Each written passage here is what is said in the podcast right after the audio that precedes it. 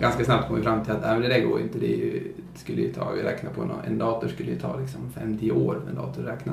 Ja, det är omöjligt, så sa jag till Anton. Ja, men han stod ju på sig. Han, mm. Mm. han tyckte, ja ah, okay, ja, men då så kom vi på den där tanken då att ja, men om vi delar upp, om vi liksom bygger då ett, ett system där vi har en, en eh, central eh, enhet som håller koll och sen liksom delar man upp det jobbet på massa datorer. Ja, men då kanske, ja men vi, vi kan testa till så här.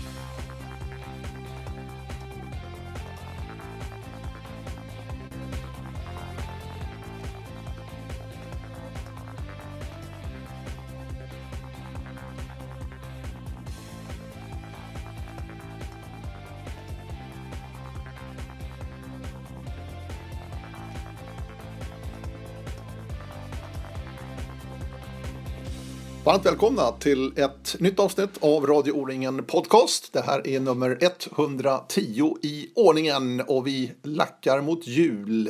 Vi lackar mot kanske lite ledighet. Eh, det kommer ett par poddar till här innan jul för övrigt. Det kan jag ju flagga för redan nu. Men i det här avsnittet så blir det inte så mycket snack om en idrottslig karriär, även om gästen idag, Joakim Svensk, är också en väldigt, väldigt duktig orienterare. Men här är nu fokus på kartor, Joakim Svensk, väldigt, väldigt kartintresserad. Men även intresserad av skogen, alltså våran idrottsplats. Finns mycket intressant att prata om när det gäller de här bitarna med Joakim Svensk. Jag åkte till Norrköping där Joakim Svensk bor sedan ett antal år tillbaka pluggar och jobbar nu för tiden, jobbar förresten i Linköping, mer om det i podden för övrigt. Ja, det är ett intressant samtal och vi minns ju Mapp Ant det vill säga det här stora kartprojektet i Finland där de plockade fram en orienteringskarta av LIDAR-data, det vill säga laserskanningen över hela Finland. Där är ju datan öppen, vilket den ännu inte är i Sverige. Det pratar vi också om i den här podden för övrigt. Mycket intressant och mycket nöje nu att ta del av Joakim Svensk när vi pratar kartor och skogen och lite framtid också. Varför inte? Mycket, mycket spännande.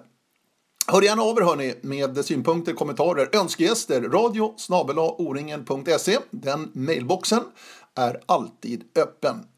Men till podden nu, nummer 110 i ordningen alltså med Joakim Svensk. Och frågan är vad som är hemma. Norrköping eller där han kommer ifrån, Borlänge? Ja, det är väl mer och mer Norrköping just nu. Nu har jag bott här i sex år. Eh, men det är väl fortfarande Borlänge också hemma. Och varför har blev det Norrköping? Eh, ja, det var ju att jag flyttade hit när jag skulle plugga på universitetet. Då. Först i Linköping och sen, eh, sen har jag flyttat till Norrköping då efter två år. Eh, det är ju mycket, de hade bra, bra träningsmöjligheter här med eh, elitgrupp vid universitetet och så bra. De, det program jag ville läsa, alltså. jag läste teknisk fysik i civilingenjör. Och trivs bra? Ja, ja det, ja. det tycker jag. Det är bra. Det är ett bra ställe för en orienterare att bo i Norrköping. Eh, ja, jo men det är det väl. Det, är ju, det finns ju både träng och träningssällskap ungefär. Mm. Det är väl det man behöver. Mm. Sen som träningsmiljö sett då så är det här bra. För att många ja. är i Göteborg också. Mm, jo, men också det en väldigt ju... bra miljö, men det är bra här också. Ja, jo, men det tycker jag. Det, det, är väl så. Det finns ju ett antal ställen som har bra träningsmiljöer och då tycker jag Norrköping är ett av dem. Jag tycker vi har bra bra träningsmöjligheter och bra drag. Mm. Du, jag tänkte i den här podden ska vi inte prata så mycket träning, eh, även om vi kan göra det också med dig Jocke. det är ingen snack om saken. Men eh, fokusera på kartor, skogen och då känner jag Joakim Svensk är en bra kille att prata med alltså. När det handlar om det här. Kartintresset, för du är ju intresserad av kartor. Jo, det får man väl säga. Ja, jo, vad, vad, vad, vad grundar sig det i? Alltså, det, vi gillar kartor allihopa, det är ju ja, vårt, vårt verktyg verkligen, men ändå. Ja, Alltså, jag vet inte riktigt var, varför jag är just intresserad. Jag tycker det är liksom fascinerande att, att kolla på och se hur, hur kartor liksom, det avbildar en plats i landskapet. Och det är inte bara orienteringskartor. Jag tycker det kan vara kul att sitta och liksom kolla på, på alla typer av kartor. Mm. Så jag, det har jag väl det har jag varit intresserad av ganska länge. Mm. In, inte så att alltså jag höll på med orientering sedan jag var liten så jag kan inte komma ihåg att jag var någon mer intresserad av kartor än vad någon annan var när jag var liten. Det var snarare kanske andra som var mer där analysera rutter och då var jag mer, ah, kanske kolla lite på på kartbilden runt snarare Mm. än vad min egen rutt. Mm. Men det har väl blivit mer och mer av ett intresse. Och även att jag, jag, jag jobbar sen, sen eh, två, tre år då på ett företag där vi håller på en del med kartor och så. Så att det, det blir mer och mer. Man gör det hela dagarna nästan. Mm. Hur, äh, har du ritat kartor också? Alltså, eh, jag menar, orienterarna behöver ju kartor. Ja, inte traditionell kartritning mer än, ja, jag ritade en, en träningskarta då lite, var ute i riktig fältrek men det var bara en mindre grej. Men annars har jag inte gjort mycket sånt utan mer eh, alltså, digitala, sitta och få olika typer av varianter av kartor. Men inte så mycket fältjobb egentligen. Mm. Jag har inte riktigt tid med det. Det, det är ju sånt, ska man ha fältjobb då, då lär man göra det på, nästan heltid. Det är verkligen vara ute i skogen. Mm. Eh, jag tänkte börja, du, du har ju ditt Instagramkonto Jocke testar kartor. Ja. Eh, som jag gillar skarpt. Jag tycker det är fantastiskt och det, det är väldigt kul också hur du argumenterar för, för din betygssättning också här. Eh, till att börja med, vad det gäller den där sidan, hur, hur eh, väljer du målen? Har du en lista liksom? Eller hur hittar du de här olika, för det är många pärlor. Ja, jo, nej, det, alltså det där är- det är ju väldigt eh, spontant från början. Det var mer, alltså det har jag väl höll på med tidigare. Man ja, är ute och åker och Mm. liksom tänker att ja, det vore kul att, att springa på häftiga ställen. Och sen fick jag väl för mig, ja, jag lägger ut någon bild här, det är kul att, att visa lite. Mm. Det verkar vara fler som tycker att det är kul att läsa om. Det var många fler. Och jag tänkte att det skulle vara ett väldigt smalt och nördigt eh, målgrupp för det. Mm. Men det, det har visat sig att det får må- många som hör av sig när jag skriver saker. Men, eh, nej, men det, det blir väl lite, eh, om man väljer, väljer objekt. Eller så här, om man, ja, det blir ett tag som det kommer att man... Alltså, mycket av om man åker på eh, läger och så, då åker man ju till kartor. Åker ju och springer orienteringsläger Mm. eh, ja, på helger. Man springer orientering på olika ställen. Letar man upp det fina där man är. Så. Mm. Nu senast var det ju eh, mina hemtrakter verkligen, och där jag har sprungit oerhört mycket. Tyresta, Ja, just Nationalparken. Mm, just det, det var eh, som du var förbi. Och där Tivila gick ju 1977 också. Mm. Eh, men det är ju nationalpark så att den är ju Yes. svår att använda för orientering i Ja, stora precis. sammanhang så att säga. Va? Men det är ett fantastiskt område. Mm. Tyckte Ja. du var lite blygsam i betygssättningen. Okej, okej. Ja, jo men det var... Nej, men jag, jag gillar den så. Det var ju så också att ja, men jag skulle upp till, till Lidingö, förbi Lidingöloppet och efter och tänkte ja, jag har inte sprungit i Tyresta faktiskt. Det var, det var lite en vit fläck där. Det är ju sånt ställe som man såklart vet om och vet Mm. att det, borde vara ett häftigt ställe. Så tänkte det lär man ju passa på den här tiden. Mm. Det är fint. Ja, det är fint. Ja, det är häftigt. Vi får se vad som kommer där framöver. Men vilket är ditt favoritområde? Alltså vad, vad, är, vad är bra i din värld när du betygsätter? Vad, ja men det man kollar, ja. Alltså först en, en bra orienteringskarta om man säger. För det blir ju lite delat. där. Dels så, så springer jag ju på, på riktiga kartor så, men sen som i Tyresta då har, finns det inte en riktig Nej. så då använder jag ju sådana här automatiska laserkartor då, som man kan ta fram. Och då blir det lite mer att man bedömer kanske potentialen för, för ett häftigt område och hur, hur kul det är att springa på den här laserkartan. Det, Mm. det är inte helt motsvarande men jag tycker ändå att man kan få en känsla för hur, hur kul området är och, och det är ju fortfarande roligt även fast man bara har en laserkarta. Så man ska, det blir lite delat där. Mm. En bra orienteringskarta överlag tycker jag, då ska den vara... Så jag gillar ju när det är lite, det ska vara utmanande och, och liksom svårt på ett, på ett kul sätt vill jag säga. Det är ju alltså, tekniskt svårt, det, det vill ju de flesta ha. Eh, tillräckligt svårt och då på ett sätt så att det ändå är liksom, det kan ju vara tekniskt svårt för att det bara är en massa grönt och sten Mm. överallt men det är inte så himla kul. Men tekniskt svårt på, på ett sätt som ändå, det, det är tekniken som, ut, som utmanar och sen gärna varierande, alltså utmanande på fler än ett sätt och höjer Mm. nivån och liksom att det så om man ser den optimala kartan då ska den ju vara liksom både teknisk och den ska ju vara, det ska ha bra vägvalsmöjligheter och det ska ha delar som är snabbare, långsammare och sen eh, variationen där och gärna sen tycker jag att det blir häftigare om det är lite unikt också. Om det, om det är riktigt unika ställen då Mm. höjer det ytterligare lite. Mm. Och sen såklart att det är så vackra miljöer och fint, det, det höjer också. Så då, det är liksom de kriterier som jag gillar. Mm. Och då, då har jag ringat in alltså, där vi var i somras, O-ringen. Yes. Eh, Höga Kusten, Ja. Örnsköldsvik. Yes. Det här är ju ett sådana områden som Ja, passar in på din absolut. beskrivning. Så- Väldigt, väldigt, Sverige, väldigt gott. Det är ju, det är ju ett, hela området från alltså Höga Kusten och överlag eh, kustområdet även längre upp. Mm. Det passar ju väldigt bra på det sättet för orientering. Du har ju, om man jämför med kusten längre ner så har du samma typ av, av tekniska detaljer fast de är ännu lite svårare. Och sen kommer den här höjdskillnaden till då som gör det mer komplext. Du får Mm. vägvalen på ett annat sätt och Mm. du får det mer alltså, tuffare på, på flera sätt. Mm. Så att det, ja, det, är- det är riktigt bra trängt. Sverige. Mm. Det, är, det är många som, som håller med. Det märker man. Absolut, jo det var ju många lyriska. Magne Dali sa ju efter eh, hans seger till Backsjö, Ja, den etappen, att det var förmodligen den bästa han sprungit någonsin. ja. Jo, men det, och det sett förstår i alla Det- de här variablerna som du Ja. varit inne på. Då. Ja, Terrängen, tycker kartan, det- orienteringen, utmaningen, alltså allting. Absolut. Det är ju en av de områden, jag la upp några bilder också, det var väl en av dem som jag jag har ett högsta betyg. Mm. Mm. Precis. Du, vi ska prata kartritning. Det har hänt väldigt mycket sedan lasermaterialet Mm. började produceras i, ja, i stort sett hela världen. Ju. Men eh, det har ju verkligen påverkat orienteringen, både sporten och kartorna och framställningen.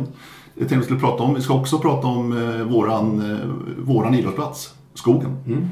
Som också är spännande. Mm. För att det händer ju saker där också. Och vad vi kan se framöver liksom, i Ja, lite precis. framåtperspektiv. Det ska Mm. bli jättespännande. Men låt oss börja med det här med kartorna och laser. Du eh, Joakim, tillsammans med Mats Turing och Jarkko Rupe, Mm. heter han väl tror jag. Ja. Ja, finländaren. Yes. Tog ju fram det här jättekartan över hela Finland. Autogenererad karta. Ja. Över hela Finland. Yes. Byggt då på lasermaterial och vegetation och all, alla de här Ja, bilderna. precis. Eh, Början starten på det där, vad, vad, hur, hur blev det sådär liksom? Ja, man kan ju börja med om man tänker laser, laserskanning i sig. Det är ju en, en tredimensionell data du samlar in från, från flygplan och du får markytan och vegetationen. Som man har börjat samla in då senaste ja, typ tio åren Ja. i, i många länder, bland annat både Sverige och Finland. Eh, och det här i, i Sverige har ju, har ju många, jag sitter och kollar på men hur kan man använda det här för att ta fram kartor för du får ju en, en helt annan eh, bild, ett annat grundmaterial mot vad det varit tillgängligt tidigare. Eh, och så då har jag väl suttit och, och kollat på det och så har Jarkko då, som Jarko Ryppe, han eh, har utvecklat som eh, programvara och metoder för att, att ta fram eh, bilder som, som liknar en orienteringskarta så mycket som möjligt från det här. Du, du liksom fångar upp så mycket karttecken det går från den datan. Det är ju framförallt höjdkurvor, branter och från marken, punkthöjder och sånt som du ser i formerna och sen vegetation får du väldigt bra. Mm. Det är det du kan se. Mm. Eh, Du kan ju inte se saker som, som inte har en form, typ stigar, myrar. Men, men han har i alla fall gjort en, en väldigt bra eh, metod för att, för att ta fram den här läsbara Alltså tyda kartan. datan, Ja, tyda datan. För att när den är råformatet, det, som, det man får tillhandahålls liksom från i datan är ju bara det är oläsbart som det är. Det är bara massa punkter. Mm. Eh, och eh, men så han, han har kollat på det och jag testade den lite och sen eh, var det väl... Eh, alltså det, det tar ju ganska lång tid, det är väl det som är haken med det. här. det, det att köra ett, ett par kvadratkilometer kan ju ta timmar på, för att det är väldigt mycket beräkningar. Så därför har jag, när jag kollade på det där för det var väl en, två, tre år sedan, då hade jag bara kört här, små områden där man här kanske är häftigt att testa det här. Eh, och så var det väl eh, det var faktiskt en kompis, Anton Sjökvist, han kom där och tyckte att han kan du inte göra det här över, över hela Sverige, över helt land? Nej, nej, det går ju inte att räkna på det. Nej, det är helt omöjligt. Så, ja, men det, Mats här, han är, han är bra på det här med datorer. Här. han, vi var i på ett läger och Mats var med. Så han kan ju det här. Du, du och Mats, ni får fixa det nu.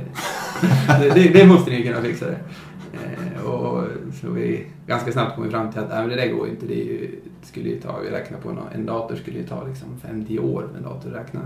Ja, det är omöjligt, så sa jag till Anton. Ja, men han stod ju på sig. Han, Mm. Mm. han tyckte, ja ah, okej, ja, men då så kom vi på den där tanken då att ja, men om vi delar upp, om vi liksom bygger då ett, ett system där vi har en, en eh, central eh, eh, enhet som håller koll och sen liksom delar man upp det jobbet på massa datorer. Ja, men då kanske, ja men vi, vi kan testa typ så här. Så, eh, så började vi väl kolla på det där på Första tanken var väl att vi skulle göra det i Sverige, för det är det vi är intresserade av. Så. Mm. Eh, Men eh, sen tyvärr så, så fick vi inte möjlighet att, att publicera någon, någon data i Sverige då, på grund av licensvillkor.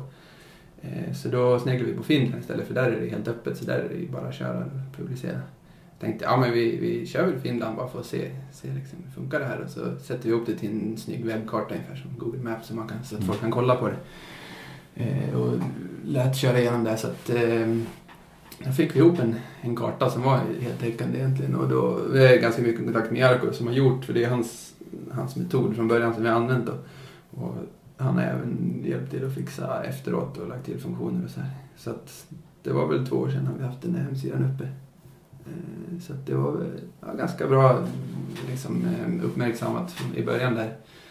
Eh, Sen jag har inte jättebra insikt faktiskt hur, hur många som använder det där i Finland. Nej, jag tänkte just fråga det. Nej, alltså jag har inte bra koll på det faktiskt. Nej. Det är inte, jag själv är inte in jättemycket och kollar i Finland och det är ju Mm. men, eh, men jag tror att det verkar på Jarkko ändå som att det, det används. Man ser att folk ibland kan se någon finsk orienterare skriver på Twitter att jag har varit ute på mappen, kartan här och här. Så, jag Mm. tror ändå att det finns intresse. Det är lite kul att alltså Jarkko är, ju- är ju mer intresserad av, av i Finland hur Han har till exempel fått det så att det finska, liksom det är någon av de här finska myndigheterna som har tagit in den här som en bakgrundskarta i sina kart, Mhm. liksom material att du kan välja den som bakgrundskarta på andra ställen. Mm. Så att det, det är ju en kartprodukt i alla fall som har en, en användningsområde. Mm. Det bygger ju mycket på att det här är ju på samma sätt som det, som det skulle kunna vara i Sverige. Att det, de mest detaljerade rikstäckande kartor man har, Mm. de är ju lite äldre och, mycket grövre. Det finns liksom ingen rikstäckande kartor som, som går in på den detaljnivån som man kan komma upp i med den här laser. Och så, det är en bra, liksom, så detaljerat att man kan få det och ändå få det läsbart från det. Eh, Så det, är ju, det finns ju ett användningsområde, inte bara för orientering utan för alla som, som vistas i, Mm. i skog och mark. Mm. Mappant.fi va? FI. Det är ju webbadressen Yes. för om du vill kika på den här kartan, Ja. eller mästerverket verkligen. Scrolla runt där, Ja. precis. Men hur, hur fick ni ihop det då? Du berättade att en dator, det hade tagit flera år säger du. Ja. Alltså, men hur, hur löste ni då det för att ändå producera hela Finland? Liksom? Det är ett Ja, jo, ja, ja, vi skalade upp det liksom. Vi, jag, bland annat så, så kunde, fick jag möjlighet att göra det genom eh, en kurs på universitetet så man kunde använda lite datorer där och så Mm. liksom, ja, men dela upp det på olika och, Okej. eh, så att eh, vi fick ihop det hyfsat, hyfsat snabbt och ändå på eh, tack vare att vi delade upp det på många. Så, och sen också att vi gjorde så att varje dator kan jobba med flera saker parallellt. Och så, så hade vi några datorer stående här och Mats hade någon i källaren. Och sen, Men sen stod hon och tuggade, Tugg- liksom? Tuggade i några månader. Gör det så? Ja, jo, det, det tog ju flera månader. Eh, Såg man, kunde vi se hur de trillade in de här rutorna då, liksom en efter en. Hur kartan växer fram. Då. Så det var kul. Häftigt. Ja, det var väldigt kul att se hur liksom, att bygga upp det. Så. Ja, verkligen. Jag, jag förstår det. Du, eh, du var inne på det. I Finland sa du helt öppet. Liksom. Men i Sverige är det ju inte öppet. Nej, På samma inte- sätt. Nej, nej, det är det inte. Det är en skillnad där vi har med Mm, ja, materialet. Precis, precis. Varför eh, har Sverige den här modellen? Ja, det är ju... Det bygger ju på att Lantmäteriet har... eh, De har ju, det är ju i, i deras reglering från, från liksom regeringen att de ska ha ska ta betalt för kartmaterialet och, och få intäkter därifrån. Eh, Och så har det ju varit tidigare också, så har liksom laserdatan hamnat i samma modell. Och sen ska jag säga att alltså, Lantmäteriet, de vill väldigt gärna själva släppa det här öppet. De är väldigt positiva till det och har eh, lobbat för det i flera år. Och de har även tidigare nästan allt sånt geodata i Sverige varit licensbelagt. Men man har ju sett i många länder och, och sett att det finns väldigt stora vinster med att släppa det. För att det kommer till så mycket mer användning. Eh, Så att man har börjat släppa, alltså i Sverige har man ju släppt eh, översiktskartorna, det är terrängkartan, gamla gröna kartan och sådana. Eh, Men la- laserdatan är fortfarande, har inte riktigt kommit dit än. Det finns en del, det använder ju ortofoton också, alltså flygbilder eh, i råformat och sådana. Men alltså det är ju på gång, de, Lantmäteriet vill ju gärna släppa det och man hoppades väldigt mycket förra hösten att man skulle få, få extra budget eller extra pengar för att göra det. Men det hanns inte riktigt med lät det som. Men lite, jag tror ändå att det är lite tidsfråga. Så det, Det är på gång tror du? ja, ja, jo, det är Mm. svårt. Det, det beror ju på regering och vad de har för prioriteringar. Mm. Men det är ju förhållandevis små pengar. Det finns ju, de har ju sammanställt lite så här utredningar och att det finns stora vinster med att släppa det. Vet, det var några år sedan de gjorde den senaste. Då var det bland annat någon som, som ringde upp mig och frågade Mm. vad det, Mm. hörde att du hade gjort något här. Så Ja, okej. jag använde det som argument för att titta vad de gjorde här Mm. i, i Finland och liksom så här hade man kunnat gjort i Sverige. Bla bla. Mm. Eh, Men sen kommer ju också en ny skanning i Sverige. Det är också lite spännande att man har ju precis börjat. Alltså den gamla skanningen är gjord då under ja, 2010-11 då man började. Det tog fem år Mm. nästan. Sen är man fortfarande inte riktigt klar för man har problem med, Sverige, med, med fjällen. Men det är Mm. bara lite kvar. Men, Mm. men nu har man börjat med en ny då. Där man kommer skanna nästan hela Sverige igen. Skogsmarken då man tar bort fjällområdena. Men annars är allt. eh, Det är, det är ett samarbete mellan skogsbolagen och Lantmäteriet för att de vill ha uppdaterad. Man ser markytan emellan, det ändras ju inte så det behöver inte ny. Men skogsmarken och hur det växer, det är, Mm. det är en väldigt stor anläggningsområde de har. Eh, Så att det har man precis börjat med i sommar. Börjat få in. Eh, Och det kommer man ju köra under 5, 6, 7 år ungefär beroende på hur mycket pengar man får. Så, och då, den datan blir ju öppen direkt. Så den, Mhm. den, kommer, den är öppen tillgänglig. De första, första bitarna har precis kommit faktiskt för några veckor sedan. De här små, små block. Mm. Jag såg, eh, du har ju jämfört också. Ja, Det är viss- när, det vissa kom det så jämförde jag lite. Ja. grann. För den nya, ja den är lite bättre. Man, man har ungefär dubbla upplösningen i man säger, punkter per Mm. kvadratmeter. Så att det blir en liten förbättring. Det är inte så stor. Den, det blir förvånansvärt bra redan på den gamla som har den är specificerad till ungefär en punkt per kvadratmeter. Mm. Men eh, det är ju, det kommer men det som, åtminstone om de här fem, sju åren när den nya skanningen är klar så kommer ju ha hela Sverige som öppen data. då. Men eh, ja, förhoppningen är väl att kanske gamla också ska bli öppen. Ja, jag hoppas det. Jag, Mm. jag tror fortfarande att, att de driver på det. Mm. Det kanske inte blir lika intressant nu längre när det kommer en ny men... Men ni som studenter har haft den tillgänglig? Ja, på, alltså på det- något sätt har det funnits... det- Ja, eller? Det, det är ju sånt eh, man säger geodatasamverkan. Man har, man har haft liksom avtal hos att myndigheter, lärosäten och så har i, i studiesyfte då ska man säga. Så att jag kan ju liksom inte som student gå in och sen bara göra vad jag vill med den egentligen då. Utan det, det här är ju som om jag använder det i kurser eller så. Så att jag har ju valt inriktning på en del kurser så att jag har kunnat göra grejer, alltså projektkurser och sånt där. Liksom. Ja men får jag göra det här? Ja men bra. Eh, Så då, då får du använda det. Eh, Det är avtal då med, jag tror det var, ja, det var någon typ vetenskapsrådet gick in och finansierade det här tror jag. Mm. Okej. Mm. Men annars är det ju licens då. Mm. Men sen är det också alltså, klubbar, föreningar som köper in det har väldigt mycket rabatt. Det är 90% rabatt på datan. Så det för en förening kostar det inte så många tusenlappar att köpa en hel kommun eller så. här. Ja. Men det är, det är mycket för en privatperson. Mm. Ja, ja, absolut. som man köper laserdata för ett par Mm. tusen bara för att det är kul. Mm. Mm. Men skulle du säga eh, den, eh, den här utvecklingen då med laserkurvorna, Mm. innebär det också att kartorna är bättre nu för tiden? Eh, Är de har ju- mer korrekta? De har möjlighet att bli mer korrekta. Men det är upp till kartritarna om det blir så. Det är ju, man har ju fått extremt mycket bättre grundmaterial. För laserdatan använder man ju också till grundmaterial när man Mm. ritar kartor, fältritar kartor. Mm. Eh, förutom att, att man gör den till automatiska kartor som du läser direkt. Då. Men som grundmaterial är det extremt bra.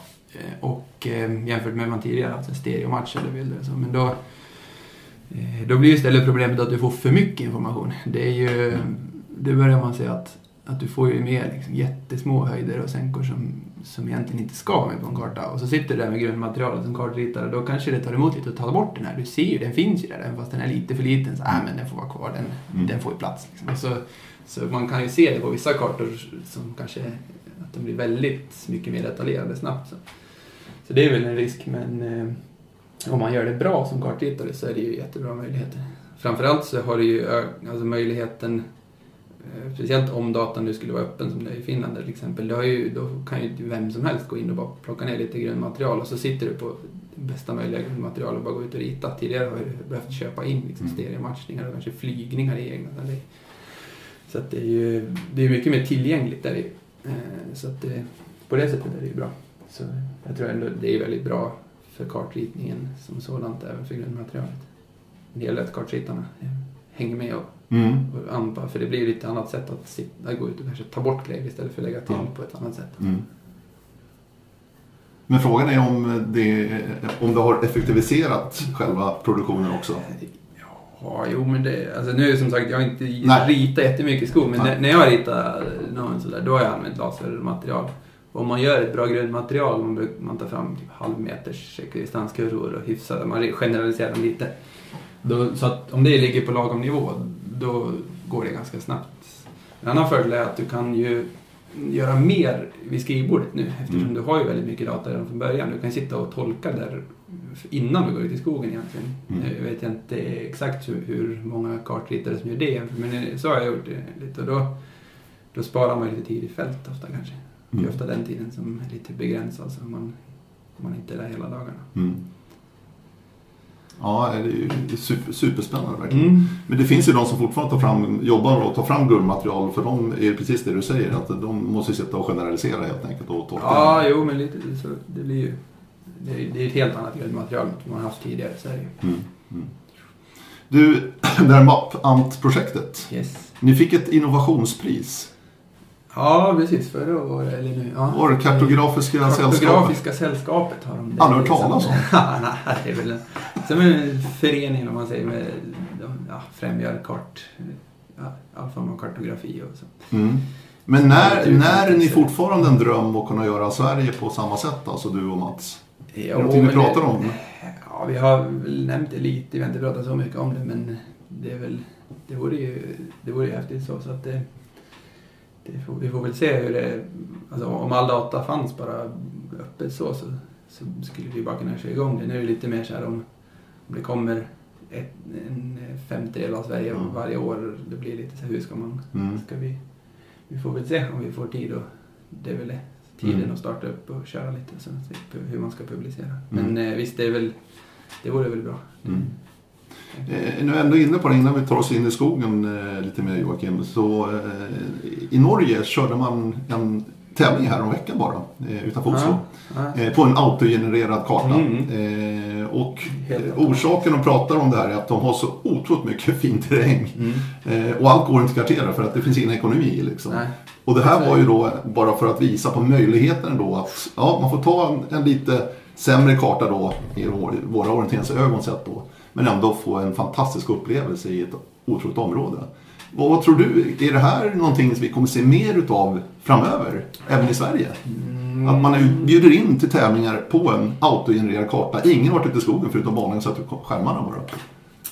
Ja, det kommer väl kanske förekomma. Det gör det väl lite också i Sverige. Men det är ju inte, det är inte som en, en orienteringstävling. Så lite. Det, det, det är en bit, det är ganska långt ifrån det eftersom kartkvaliteten är ändå ganska viktig för, Mm. för tävling. Så. Däremot så tror jag, jag funderar lite, jag tror att eh, man kanske kommer se ändå lite mer så differentiering i kartkvaliteten. Eh, Om man tänker alltså på, på riktiga högnivåtävlingar, då förväntas ju alla att det är riktigt bra. Ja. Eh, Men som det ser ut som det är nu så har du ju egentligen samma krav på, på en distriktstävling. Du ska ha en karta som följer kartnormen och Mm. ja, är den bra gjord. Det, det är en, en väldigt välarbetad karta. Mm. Eh, Och på det sättet om man ser det kanske är svårt att hålla det. Det gör ju att en distriktstävling kan aldrig betala sig, sin karta på det sättet. Så det är svårt att finansiera kartor. Om man vill ha bra områden så kanske man får, får tumma lite på det. Men, eh, och på samma sätt om man ser ja, men, typ skidåkning, eller om du åker världscup då förväntar du dig stenhårda pistmaskinspår med 10 meter breda och bra Mm, bana. Så, mm. men när det är en distriktstävling då kanske det är en skoterspår på ett elljusspår. Det, man kanske har lite mer så. Men då tror jag inte att jag tror inte att vi kommer se helt automatiska kartor på tävling annat än lite mer ploj. Så. Mm. För att det saknar en hel del man ser till karttecken och det kan bli felaktigheter. Men däremot så kanske man ser att mindre tävlingar kanske man nöjer sig med att du tar fram en automatisk karta och sen gör du ett ganska snabbt fältjobb. Du behöver liksom inte grundligt gå igenom varenda kvadratmeter utan du ritar in det tydligaste som inte stämmer. Du gör det lite extra runt ring eller liksom där du tänker ha kontroller och Mm. kanske kan lägga en tiondel av tiden på mot vad en vanlig karta. Mm. Och få någonting som faktiskt, beroende på terräng och sådär, så kan en sån karta bli förvånansvärt bra. Det, det är ju, om det inte är för trixig terräng som, som gör att det blir svårt att tolka så kan det faktiskt bli ganska bra. Det kan vara så att man springer och liksom inte riktigt tänker knappt att den är helt automatisk. Mm.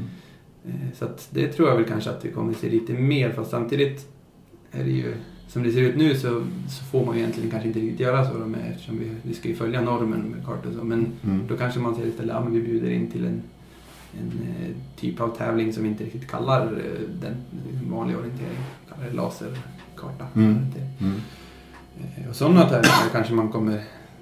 Det är möjligt att man kommer se dyka upp, kan man ju hoppas. För då, då kommer det också vara ett häftiga områden och ändå kanske få en, riktig, en bra orientering på det. För även i Sverige, precis som i Norge då, så, så finns det ju fantastiska områden som aldrig kommer karteras. Det vet vi redan Ja, nu. ja, att det, det bor inte människor liksom på 20 mils avstånd. det är ju- De områdena finns i Sverige Ja, också. Precis, precis. Så det är där jag finns ser som kanske det helst. skulle vara... Sånt tycker jag är häftigt att Ja. leta efter det. Precis, ja. Och det finns ju flera sådana personer här Ja, jo, precis, som älskar ja. att nosa upp de här ställena. Och där, där finns det ju en jättemöjlighet Mm. precis som du är inne på, ändå få en karta i Ja, handen. Utan att liksom vara där innan Mm. egentligen. Jag har varit inne lite. Jag har, leta, har lite på gång att försöka få till lite sådana grejer själv också. Ja, det har det, ja. Ja, se vad Ja. jag får till något. För det är framförallt, jag tror att framförallt den norra delen av Sverige finns Ja, ju det oerhört mycket områden. Precis, alltså, det, det är ju inte så många som bor där i den norra landsdelen och det här landet. Men det finns ju oerhört mycket fin terräng. Så är. Det finns mycket, mycket att upptäcka. Ja. Sånt. Ja, häftigt. Ja, men det, jag tycker det är spännande. Jag, jag, Mm. jag är helt övertygad om att det, det kommer Mm. någon slags differentiering på, på tävlingssidan också. Mm. Jag är helt övertygad om det. Mm. Beroende på att kartkostnaden är så pass tung ändå. Mm. Jo. Om du ska göra en riktigt bra karta så kostar det pengar. Så enkelt är det. Ja, ja, det är ett jävla jobb alltså. Ja, ja, det är det verkligen. Du, eh, skogen Mm. är också ett intresse du har verkligen. Alltså Oh. svenska skogen, vad händer, skogsbruket, allt sådana här saker. Mm. Eh, som också du eh, har ett stort intresse för. Och skogen är ju verkligen våran idrottsplats. Vi har ju i Sverige en allemansrätt som är, är ganska unik. Och som verkligen har gett orienteringen en, en chans att verkligen bita sig fast i det här landet. Det är många länder ute i Europa som har jättejobbigt. Kommer inte åt Mm. skogar överhuvudtaget. Här är vi väldigt bortskämda, vi tar det för givet i det här landet. Men du, den svenska skogen då? Mm. Om vi tar oss in i det. Hur, hur kommer det påverka? För att vi är ju så beroende av skogen. Mm. Nu finns det en massa sprint och sånt där också. men- Ja, nej, om vi Men- pratar skog. Ja, pratar skogen. Ja, jo, det är klart. Vi är helt beroende av skogen Ja. Och hur pass, hur pass viktig aktör är vi inom orienteringen då gentemot svenska skogen, skogsbruket, skogsägarna, skogsbolagen liksom som försöker förädla skogen för att tjäna sina pengar? Det är ju så det är. Ja, jo precis. Det är ju... Ja, det beror ju lite på... Man, du kan ju se det lite på, på två sätt. Dels hur... Om, alltså tillgängligheten, alltså allemansrätten, vad som händer med det. Om, eh, det är ju... Det är vi helt beroende av att- att, att ha tillgång till skogen. Där, eh, där finns det väl visserligen... Det finns ju en viss debatt om, om eh, vissa som kanske vill begränsa det mer. Det kommer... Eh, vet, bland annat man, nu när det börjar det blir, liksom mer och mer kanske kommersiell verksamhet i skogen. Du har liksom eh, här äventyrsturism och så här, ute, bushcraft och du kan liksom sälja det och då blir det, då blir det många markägare tycker att ja, men det sliter på skogen kanske eller det, det påverkar så att då vill de kanske en del av det. Eh, bärplockning har ju varit Mm. diskuterat och då är det väl en risk också att, att orienteringen dras med där om man börjar försöka begränsa. Samtidigt finns det ju ganska starka krafter som, som vill hålla kvar där. Det, orienteringen där går ju liksom inom hela gruppen och friluftsliv så det är ju liksom Svenskt Friluftsliv bra, bra liksom trycker på att jo men visst det ska vara öppet och så. Eh, Men ja, så länge, så länge orienteringen är hyfsat ideell så, så borde det väl vara inte så stora problem. Det finns ju andra grejer tror jag som, som markägare kanske är mer, mer fokuserade på då. Mm. Men det här, just den här ideella sidan, är den viktig? Alltså gentemot markägare, bolag, skogar och det Det, det är här. väl ett bra argument om inte annat att säga ja, men det här, vi gör inte det här för att tjäna så mycket pengar. Det är, sen, visst, typ som O-ringen, det är inte ideellt kanske helt längre. Eller, det är, Nej, det är ju ett aktiebolag Ja, så att det är ju, som egentligen arrangerar På det O-ringen. sättet, alltså, även fast en del av funktionärerna är ideellt så Absolut. det är ju... Ja, eh, det får man ju ta liksom diskussioner med markägare och så, men det har man väl alltid gjort och det kan jag väl inte se att... Alltså, det, det debatteras ju men det känns inte som att det är på gång någon direkt begränsning även fast det finns intressen som vill det också. Eh, men det är klart att det vore ju, det vore ju väldigt dåligt för orienteringen om det begränsades för att det är vi ju helt beroende av. Sen finns det ju den här andra aspekten av, av skog, skogen och skogsbruket, hur det påverkar liksom, arenan vi är på och landskapet. Så. Eh, och där är ju lite mer, där är vi kanske inte, det är inte så att det står och faller med hur skogen ser ut. Vi kan springa orientering även fast det är bara hårt brukad skog. Men det är mer hur liksom, upplevelsemässigt kanske påverkas. Eh, och där har ju inte orienteringen särskilt mycket att säga till om annars då, utan det är ju, skogen brukas så, så ser det ut i Sverige. Den är, Sverige alltså skogsmarken är ju väldigt hårt präglad av skogsbruk. Nästan, nästan helt. Mm. Eh, och där... Eh, ja, då kommer man in på lite att det, vi går ju mot en mer uppdelning kan man säga av skogsmarken. Du har ju, eh, du har ju skyddade områden, Mm. eh, reservat, Mm. eh, avsättningar, olika typer av skydd och sen har du liksom produktionsskog. Då. Och man ser ju att du, de skyddade områdena växer ju lite grann du, fast fortfarande det är en väldigt liten andel om man pratar om man, om man inte räknar med fjällnära och myrar så, ligger det på någonstans 5 av, av skogsmarken. Det är, som är formellt skyddad. Mm. Och sen eh, den delen som, som är brukad som produktionsskog det är ju nästan bara där vi springer orientering oftast. Eller ja, vi är ju inne i reservat också men eh, Mm. eftersom det är så stor andel. Och där, eh, där börjar man ju se att, att vi får en nästan, eh, alltså andelen skog som, som är liksom hårt präglad av skogsbruk börjar bli nästan helt dominerande. Men det, tidigare har det ändå funnits en hel del områden i det här som, som man, om man säger naturskog som inte har varit påverkad av skogsbruk för att man inte höll på med det i mer än typ en cykel av ja, 75 år sedan. Men, men det börjar man se att inom en 50 år bara så, så kommer det nästan inte finnas någon skog kvar utanför reservaten som inte, är, eh, inte har varit huggen och planterad någon gång. Så att du har liksom en total uppdelning av skogsmarken. Så. Eh, och då kan man ju fundera på hur påverkar det orienteringen Ja. upplevelsemässigt. Så det beror ju på. Man, då kan man ju konstatera att vi kommer att antingen så får vi springa, hålla oss till reservaten och då har vi eh, Dels så finns det ju regler och Restriktioner där också. restriktioner där. absolut. Så det, det, det är ju en, en annan utmaning att arrangera tävlingar speciellt. Och, och dessutom så är ju reservaten ofta, de kan ju vara anpassade för, för att man vill gynna olika typer av arter och att man eh, istället låter det bli väldigt gammal skog där och på sikt så blir det, blir det ännu tätare och så. Men, eh, och sen har vi produktionsskogen då som Mm. Eh, Så det är väl... Det är, det är, det är subjektivt. Om man, liksom, det går ju att springa orientering i en, en 100% brukad skog. Så, men upplevelsemässigt så tycker väl i alla fall jag att, det, att en, en skog som är något mer tillväxt är, är betydligt trevligare att springa i. Och det ser man ju man, om man är ute med folk och märker att "Ah, här var det fint och här var det fint. Mm. Och att om folk som är, som är vana att vara i skogen och som, som gillar skog, då, då man uppskattar den skog som ändå är äldre och som har, som har blivit betydligt äldre än vad man ser att normalt blir i en, en produktionsskog. Så att, eh, risken är ju att man kommer att tappa de här riktigt, riktigt fina områdena utanför reservaten.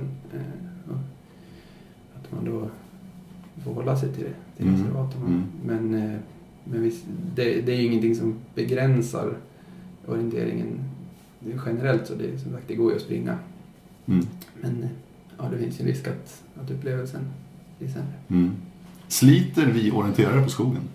Nej, det skulle jag inte påstå. Det är också en klassisk där, ja, folk är oroliga men alltså, om man ser, så jag brukar säga så länge man, man ser hur det ser ut när man går fram med en skördare i skogen och hur man liksom, kan, alltså lite spår i skogen försvinner på ett par år. Det, det, I en produktionsskog är det ju absolut inte av något intresse. Det är ju på vissa tätortsnära reservater kanske någon kan bli lite irriterad av någon stig så här, men det är ju bara de riktigt stora tävlingarna där det, så det blir stigar och det växer ju igen så det är ju helt försumbart mot Mm. andra, andra saker som påverkar. Mm. Mm. Men alltså att komma åt skog via då markägare, bolag som markägarna helt enkelt. Mm. Eh, där är vi ju alltjämt väldigt lyckligt lottade. Vi, vi, vi ska ju inte betala. Det, det, Mm. det är liksom målsättningen. För att få Ja. låna det eller få vara där för en, för en tävling till exempel. Kommer det att bestå tror du? Oj, ja. Det, det kan man ju hoppas för annars så blir det problem tror jag. Det är Ja, vi kommer ju hamna i svårt. jätteproblem alltså. Ja, ja kan, det är väldigt svårt att, att, om vi ska börja betala för tillgång till mark. Och som tur var så, så ingår det ju det, om du säger allemansrätten, att vi får ju vistas där. Mm. Men det är klart Men att- kommer det med 2000 pers så är då är inte allemansrätten liksom praktiskt. Nej, nej, lite så. Då, speciellt om, om man nu skulle försöka begränsa det, då, då kan det bli problem. Eh, men ja, det, det har jag lite svårt att säga också. Men som sagt, man kan ju hoppas att, att man inte ska behöva betala just för att, för att vara i områdena. Men det bygger ju väldigt mycket på att ha bra dialog med markägarna. Mm. Att visa på att nej, men vi sliter inte på, på marken på det sättet. Alltså, det är ju, alltså, ja, men visserligen om, om du har liksom planteringar som är unga, så- sådana grejer får man ju undvika. Men i, i en vanlig skog så är det inte så att det, brukandet eller att värdet på något sätt påverkas av att vi springer. Mm. Du, hur bra koll har eh, klubbar, arrangörer på de här frågorna tror du? Vad det gäller mark, skog? Det, ja, det varierar nog men det finns nog alltid några i, i varje klubb som har koll och det är ju ofta är det väl folk som, som är insatta i, i branschen och som har kontakter och så. så att man, det har ju ett visst överlapp där mellan orienterare och eh, skogsbrukare och, och Mm. markägare. Så det är väl ofta de kontakterna. Men eh, där är det, väl, är det väl bra också att Soft gör ett jobb och har liksom en central kontakt och att man, man Ja. vet liksom det, sådana grejer är ju viktigt. Ja, för det här, det här är ju liksom A och O för oss överhuvudtaget. Ja, ja, absolut. Tillgång till mark. Precis, precis. Tillgång till skogar. Hur, hur gör du? Är du väldigt selektiv när du väljer var du ska springa? En, en tävling eller sådär? Jag menar en, en tävling, Ja. eh, alltså ett arrangemang. Ja, letar att- upp dem. ja. ja Och det, är, åh, det där stället, det där. ja, men det, det är väl lite det. Sett till terrängmässigt så ja, i alla fall de tävlingar som man bara frivilligt springer, en små tävling på en helg. Då jag åker ju inte liksom, en timme iväg för att springa på ett närområde på ett idrottsspår. Liksom, utan, men om det är någon som erbjuder något, någonting riktigt fint, då kan jag ju gärna åka ett par timmar dit. Det hoppas man ju att fler är så att det finns ett underlag för, för sådana Mm. tävlingar Mm. också. Det, det känns, folk säger i alla fall att ja, men, jag gillar att springa liksom, fina tävlingar. Det, det är väl det man vill ha. Men eh, det, är ju, det beror ju på vad man är ute efter. För många så är det ju, liksom, om du är som ungdomar eller motionärer, så här, då, Mm. då är det ju en fördel med, lite mer nära och stigar. Mm. och så. Mm. Men jo, lite selektivt, det, det kan man väl säga. Ja, ja, men det, Det, det är ju helt det, rätt. ja, jo, såklart. Det. Du, eh, om vi tittar en eh, 15-20 år framöver Mm. när det gäller idrotten och orientering. Mm. Och med det skogsbruk och de skogar vi har här. Vi har ett stort land så att det är inte det. Geografiskt är det ju faktiskt ett, ett stort land, Sverige. Eh, men ändå, vad, ser du framför? Hur kommer, hur kommer utvecklingen ske? Om vi har de här kartorna här som jag pratat om lite grann med laserskanningen som har kommit nu och, och finns verkligen som ett bra verktyg för att göra mer exakta kartor. Mm. Eh, ett skogsbruk som också hela tiden utvecklas naturligtvis. Vad, vad tror du kommer ske? Kommer vi fortfarande springa med en, en karta i handen? En tryckt karta i handen om 20 år? Ja, jo men det, det tror jag ändå. Det, om, du ska, om man menar att om man skulle ersätta det med mer digitala varianter. Ja, alltså liksom- den utvecklingen går ju också rasande Jo, fort. det gör det ju visserligen men det, alltså det, det ska ju bli bra mycket bättre än vad det är nu om man säger om du ska ha digitala kartor så. Men eh, ja visst, det är ju, alltså teknikutvecklingen påverkar väl så visst. Eh, möjligheterna till exempel att, att skriva ut kartor med bra kvalitet och till ganska billiga skrivare gör ju att du kanske kommer kunna skriva ut kartor på plats. Du kanske inte behöver ha föranmälan på det sättet. Och, eh, men eh, jo, nu kommer vi springa på tryckta kartor, det tror jag. Och man säger arrangemangen som helhet så det, det beror lite mer på hur orienteringen utvecklas. Men jag tror ändå att det kommer finnas, alltså på många sätt blir det väl att man har de här tävlingarna som man har nu på, på den typen av kartor. Man, man har liksom riktiga kartor, fältrekade och eh, men ja, som jag var inne på att tidigare, eh, att man kanske kommer, eller förhoppningsvis se eh, en del lite mindre varianter av arrangemang som Mm. vi kanske inte haft hittills som, som dyker upp på, på spännande ställen. Och, eh, som, tack vare att, det, att man kan snabbt och billigt göra en halv variant av karta och lite sådana grejer som dyker upp. Mm. eh, så att, eh, Kommer fortfarande springa och leta efter de här orange-vita skärmarna också? ja, det, det hör ju till, det kan man ju inte byta. ja, jo men det, Nej, men tänkte med positionering och allting. Alltså, Jo, det är klart. Det, alltså det kommer, ja. Man det finns ju test med till exempel att du har så digital eh, stämpling. Mm. Då, då tror jag man är mer inne på träningsvarianter. att du istället för att hänga ut skärmar på en träning kanske du har en, en virtuell skärm så att klockan piper när du är vid kontrollen. Mm. Eh, Då är det ju jättebra med, med sånt. Men tävlar kommer vi ändå alltid vilja ha skärmar. Så. Men eh, ja, positioneringen utvecklas ju också. Det är ju väldigt spännande. Den, det kommer ju nu eh, ser jag fram emot om, om bara något år. Eller att, att man börjar komma sådana här, eh, här nya, som en ny generation av, av eh, noggrannhet på, på man säger, positioneringsenheter. Mm.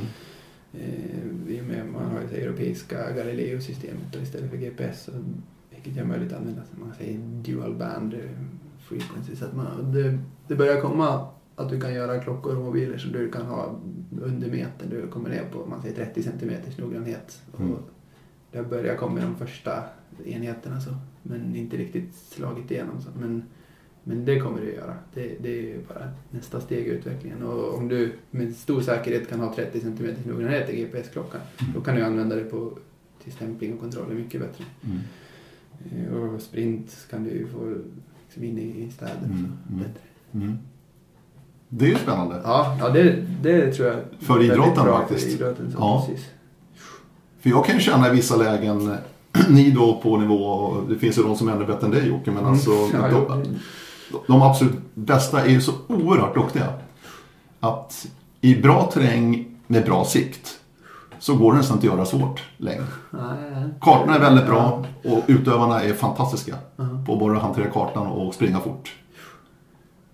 Så det menar jag, den här skärmen liksom, den, Ja, den bara lyser där. Det, blir- Ja. det blir för lätt på något man sätt. gömma den istället? Nej, ta bort den och istället en digital stämpling kan jag tycka okej, vissa lägen. ja. Alltså jag tror på en tävling ändå. Det skulle bli lite skumt på något sätt. Ja. Jo, men då kan du jobba med en grön och röd lampa liksom, Ja. rent grafiskt istället. Ja, och se, det, ja, det han tog den där. Eller hon. Glasögon som blinkar till. Ja. Nej, men jag tror att... Mm. Men ju- du, du tror inte på det här alltså? Jo, alltså, det är klart teknikutvecklingen så påverkar ju men det, det är ändå lite konservativt sådana saker. Ja, liksom stämpling. Man ser hur, hur, hur lång tid det har tagit för som en sån touch-free grej. Alltså att ha en touch-free verifiering av en in, liksom, det är ju teknik som har funnits 10-15 år i liksom allmänt. Mm. Det, det är ju inget avancerat. Så. Eh, Men ändå har det liksom inte helt slagit igenom i orienteringen. Det börjar för att man, man liksom man har svårt att släppa det där. Ja, men när har jag egentligen stämplat? Är det att jag ska nudda kontrollen? Räcker det med en centimeter ifrån? Mm. Räknas det? Och hur, Mm. hur tillförlitligt är det ju mycket också. Mm. Eh, Så om bara en sån grej är ganska trög att, att få igenom och det är ändå ingen stor skillnad. Om man tänker skillnaden att du inte skulle ha skärmar, det är ju en jätteförändring. Så det tar många år. Ja, jo, jo, jo, jo, jo. Men, men träning, och kanske mindre om man tänker sådana här, eh, om jag var inne på om man ser mindre typer av tävlingar på lite mer automatiska kartor. Då kanske man kan använda en sån teknik också. Mm. Så det börjar ju glida mer över att det blir lite mer träning, ploj av det. Men man kanske kommer se att, att eh, det är sådana arrangemang, förutom de här stora och lite mer eh, unika arrangemangen de har liksom, som har sina positioner under året, så kanske, alltså man ser ju redan att vanliga, vanliga tävlingar som går vanliga helger, de tappar ju. Mm. Det och då kanske det kanske är så att folk hellre istället för att springa en, en vanlig tävling hemma, att man åker iväg någon till något häftigt ställe och springer en mer plojiga variant på en laserkarta Ja. tillsammans med, Ja. kanske kan locka lika mycket folk det. Det Mm. blir som en tävling. Mm. Även fast det inte är riktigt det vi tänker tävling nu. Mm. Mm. Eh, här i Norrköping eh, har vi ju Kolmården. Mm. Eh, O-ringarna står. Yes. Du bor ju mitt i sprintområdet förresten. du ska inte springa nästa år? Nej, nej, jag ska inte göra det faktiskt. Det hade varit eh, lite, jag har väldigt bra koll på området. Jag har Ja. gått här i sex år som sagt och tränat väldigt mycket. Framförallt sista tre etapperna har jag sprungit hundratals gånger. Mm. Hur blir nästa år? Eh, Berätta, för det är också intressant. Det här är ändå Mm. Radio O-ringen Ja. podcast. Så att vi måste ändå prata lite om Kol. Kolmården är också ett fantastiskt område. Det är väl Ja, det, mycket reservat där ute också. Eh, Ja, jo, jo, men det, det finns det. Framförallt just runt O-ringen går det faktiskt väldigt mycket. De sista tre etapperna, där är det, många av dem är nya. Så det, Mm. men, eh, men även, alltså, det finns ju väldigt mycket skog i fin, det är, det är ett häftigt landskap. Det är, den är väldigt tydlig, man ser Kolmårdsförkastningen så som en stor brant längs Bråviken och så blir det precis in mot arenan på O-ringen är det som mest skuret och, och brant så att det, det har liksom branter upp och så platåer och, och det, det är en väldigt eh, liksom, häftig, häftig miljö så. Den är ganska, ganska stora höjdskillnader och, och liksom djup skog för att vara södra Sverige. Om man ser hur det ser ut bara söder om stan, där Mm. har du ju mer åkerlandskap. Mm. Mm. Eh, Så det, det finns mycket roliga ställen att springa. Är, den, är den präglad av skogsbruk? Ja, det, det är ju all skog i Sverige så det, Ja. det är det ju såklart. Men, eh, men inte mer än normalt. På, på just O-ringen-etapperna faktiskt så kommer det ju att bli väldigt stora, oväntat stora delar eh, riktigt fin skog också. Man, man har liksom, stora delar av etapperna går ju just i, i naturreservat eller i områden som är lite mer nära, som är sparade. Så, så att eh, det kommer, det kommer bli fint. Framförallt då de, de sista tre som jag har mest koll på. Det vet jag inte. Mm det blir riktigt bra. De första två går upp i Finspång. uppe i Finspång, Mm, ja. Sprang ganska mycket där också, men inte, inte som nära här. Nej, det har nog ganska många varit. 10 mil det Ja, där, jo, precis. 2010. 10 mil. Ja. Ja. Nu kommer det väl även gå upp där. Det är väl avlyst en bit norr Ja. om. Stämmer bra det. Men de sista etapperna som du säger, eh, Mm. runt Yxbacken då, där ju Pernilla Wiberg en gång i tiden Mm. tog sina första eh, slalomåk. Eh, utanför Åby. Yes. Eh, där- en riktigt bra intervallbacke. Det är- 107 höjdmeter. Är det så? Ja, bra brukarsintervaller backintervaller. Men du, du, du säger att det är jättefin orientering alltså? Ja, det kommer det bli. Det kommer det bli. Ja. Det, det blir varierat och, och ganska unikt för att vara södra Sverige tror jag. Det, det blir ju... Det ser inte riktigt ut som det gör om man ser bara upp mot Sörmland kanske. Det är inte, inte som det ser ut i, neråt heller. Det är lite, lite speciellt. Mm. Hur många O-ringar har du sprungit? Ja, Många? de flesta. Sen Ja, det är jag, så. var, jag har sprungit alla utom 2015 sen jag var 8, 9, 10 år. Ja, det är så alltså. Ja. Ja, på hur man räknar. Jag var väl med innan jag sprang också. Mm. Miniknap. Mm. Vad säger du om nivån på O-ringen nu? Om vi ser det ur ett perspektiv med orientering, kartor. Alltså, är O-ringen på en bra nivå? Ja, det, det tycker jag. Det, är- alltså det, det är ju så stort så att där, där är det ju toppkvalitet på. Det, där är en av få arrangemang som har råd att rita nya eh, toppkartor till allt. Eh, och framförallt, eh, jag gillar det här man, inriktningen man har gjort att man har gått mot man har insett att man vill prioritera ändå terräng och arena. Att, eh, en sån grej som eh, bussning, att man, man skrotar bilparkeringen, bussning får komma åt de områdena, typ som i Backsjö nu förra året. Att, Mm. Annars hade det aldrig gått att komma åt det på ställen för att bilparkeringen är ett sånt stort problem. Det ser man ju på alla tävlingar. Ja. Vi har jätteproblem i, när vi kollar arrangemang med Stora Tuna. Mm. Det finns ju inga parkeringar. Vi har ju, det finns ju inga åkrar ute i skogarna ovanför Borlänge. Vi har ingenstans att ställa alla jävla bilar. Annars skulle vi kunna arrangera på massa häftiga ställen. Mm. Eh, Men och det är ju O-ringen, det är jättebra inriktning att, att, man verkligen vill prioritera terrängen. Det tror jag lönar sig. Det är ju, det, då får folk en bättre upplevelse. Framförallt med... Ja, men det är ju framförallt därför man på O-ringen. Ja, jo, det, det tycker jag. Det. Sen är det ju, man ska ju också tänka på kanske att det är ju ganska varierat. Jag ser det ju lite mer ur en elitlöpares perspektiv Mm. och även de som är, om man säger, lite äldre men ändå erfarna orienterare gäller ju också den här riktiga orientering. Så, men sen finns det ju väldigt stora delar som är mo- motionärer och yngre och som kanske inte, även vad man uppskattar fin natur så kanske det man tycker är fint är inte samma sak. Man, man vill inte ha brutal, eh, tuff och svår terräng, man vill ha rolig kanske man hellre gillar en lite lättare terräng. Det är roligare. Så Mm. det är viktigt att, att det finns sådana. Man kan inte, en, en sån arrangemang kan man inte bara köra iväg till det tuffaste, häftigaste som, som vi tycker. Nej. Eh, Så det är ju, men det, det blir det ju, alltså, som man ser nästa år, att det är såklart att det finns, finns bra möjligheter för det också. För att det är Mm. ju ändå faktiskt väldigt nära om man säger. Mm. Det går ju väldigt nära bostadsområdena. Får vara ändå rejäl skog. Mm. Hur viktigt är det med variation också? Under den här veckan? Under en O-ringen Ja, under en O-ringen-vecka. Det, det tycker jag höjer bra. Ifall, ifall det är variation så, så höjer det. Det är ju... Jag, tror inte att många skulle bli jättebesvikna om det var likt eh, liksom de flesta dagar. Det skulle man kanske inte tänka så mycket Nej. på, bara det, bara det är fint. Så. Mm. Men om det är varierat så blir det så här, wow, här var det häftigt att det var helt annat mot igår. Det, jag gillar variation väldigt mycket. Jag brukar tänka, Ja. om man, om man har liksom en riktigt bra bana vill man gärna ha variation inom banan. Både hur banan är lagd och gärna i terrängmässigt. Då blir det liksom en komplett bana. Det, det är häftigt att se Mm. om man hittar sådana ställen. Mm. Ja, spännande. Mm. Men det blir inget O-ring för dig nästa år då? Nej, det, då, då får du vara med och hjälpa till på något Ja, sätt. jo, eller... Ja, jag är inte med i någon Nej, det är du ju, men precis. jag, ja, jag har varit med och provlöpt och gett en del feedback på banor och sådana grejer. Så att det, det kommer nog finnas saker i ändå. Ja, jag- förstår det. Du, nu ska jag släppa iväg till jobbet. Yes. Vad jobbar du med? Ja, jag jobbar jag med. Jag jobbar på ett företag i Linköping, Foran heter Vi jobbar med, med skog och kartor kan man säga. Det passar bra. Eh, nej, men fjärranalys. Eh, Fjällanalys? Fjärranalys. Fjärr- Analys, Mm. alltså analysera data som är insamlad på distans. Eh, Det är laserskanning, eh, bilder, ortofoton, eh, satellitbilder, helikopterskanning och så tar vi fram, vi sitter ju liksom bara på kontor och gör analyser. Vi, vi köper in flygningar eller data och tar fram kartmaterial, analyser och säljer vidare till, vi jobbar mest mot skogsbruk då, eller kraftbolag. Så. det är ju, sitter ju och kollar på kartor och programmerar kartor och Ja, gör det. programmerar analyser och sådana grejer. Det, det är det om dagarna. Det, det blir mycket kartor. Det blir, Jag förstår det. Sitta och fundera, sitter och spånar på hur, vad, hur kan man ta fram mer information ur den här eh, datan och hur kan man liksom, Mm. ja. Så det, det är väldigt kul. Det Ja. väldigt bra. Ja, roligt att höra. Mhm. Eh, avslutningsvis bara, eh, 10 milen nästa år. Mhm. Ska Tuna kunna utmana IFK Göteborg? Ja. Vi försökte ju förra året men det gick väl lite si och så. Men det, det, Ja, absolut. det, väl, det kan jag ta på mig en del själv också. men, eh, nej, men det känns som vi är väldigt på gång. Vi är väldigt Verkligen. sugna och vi blir...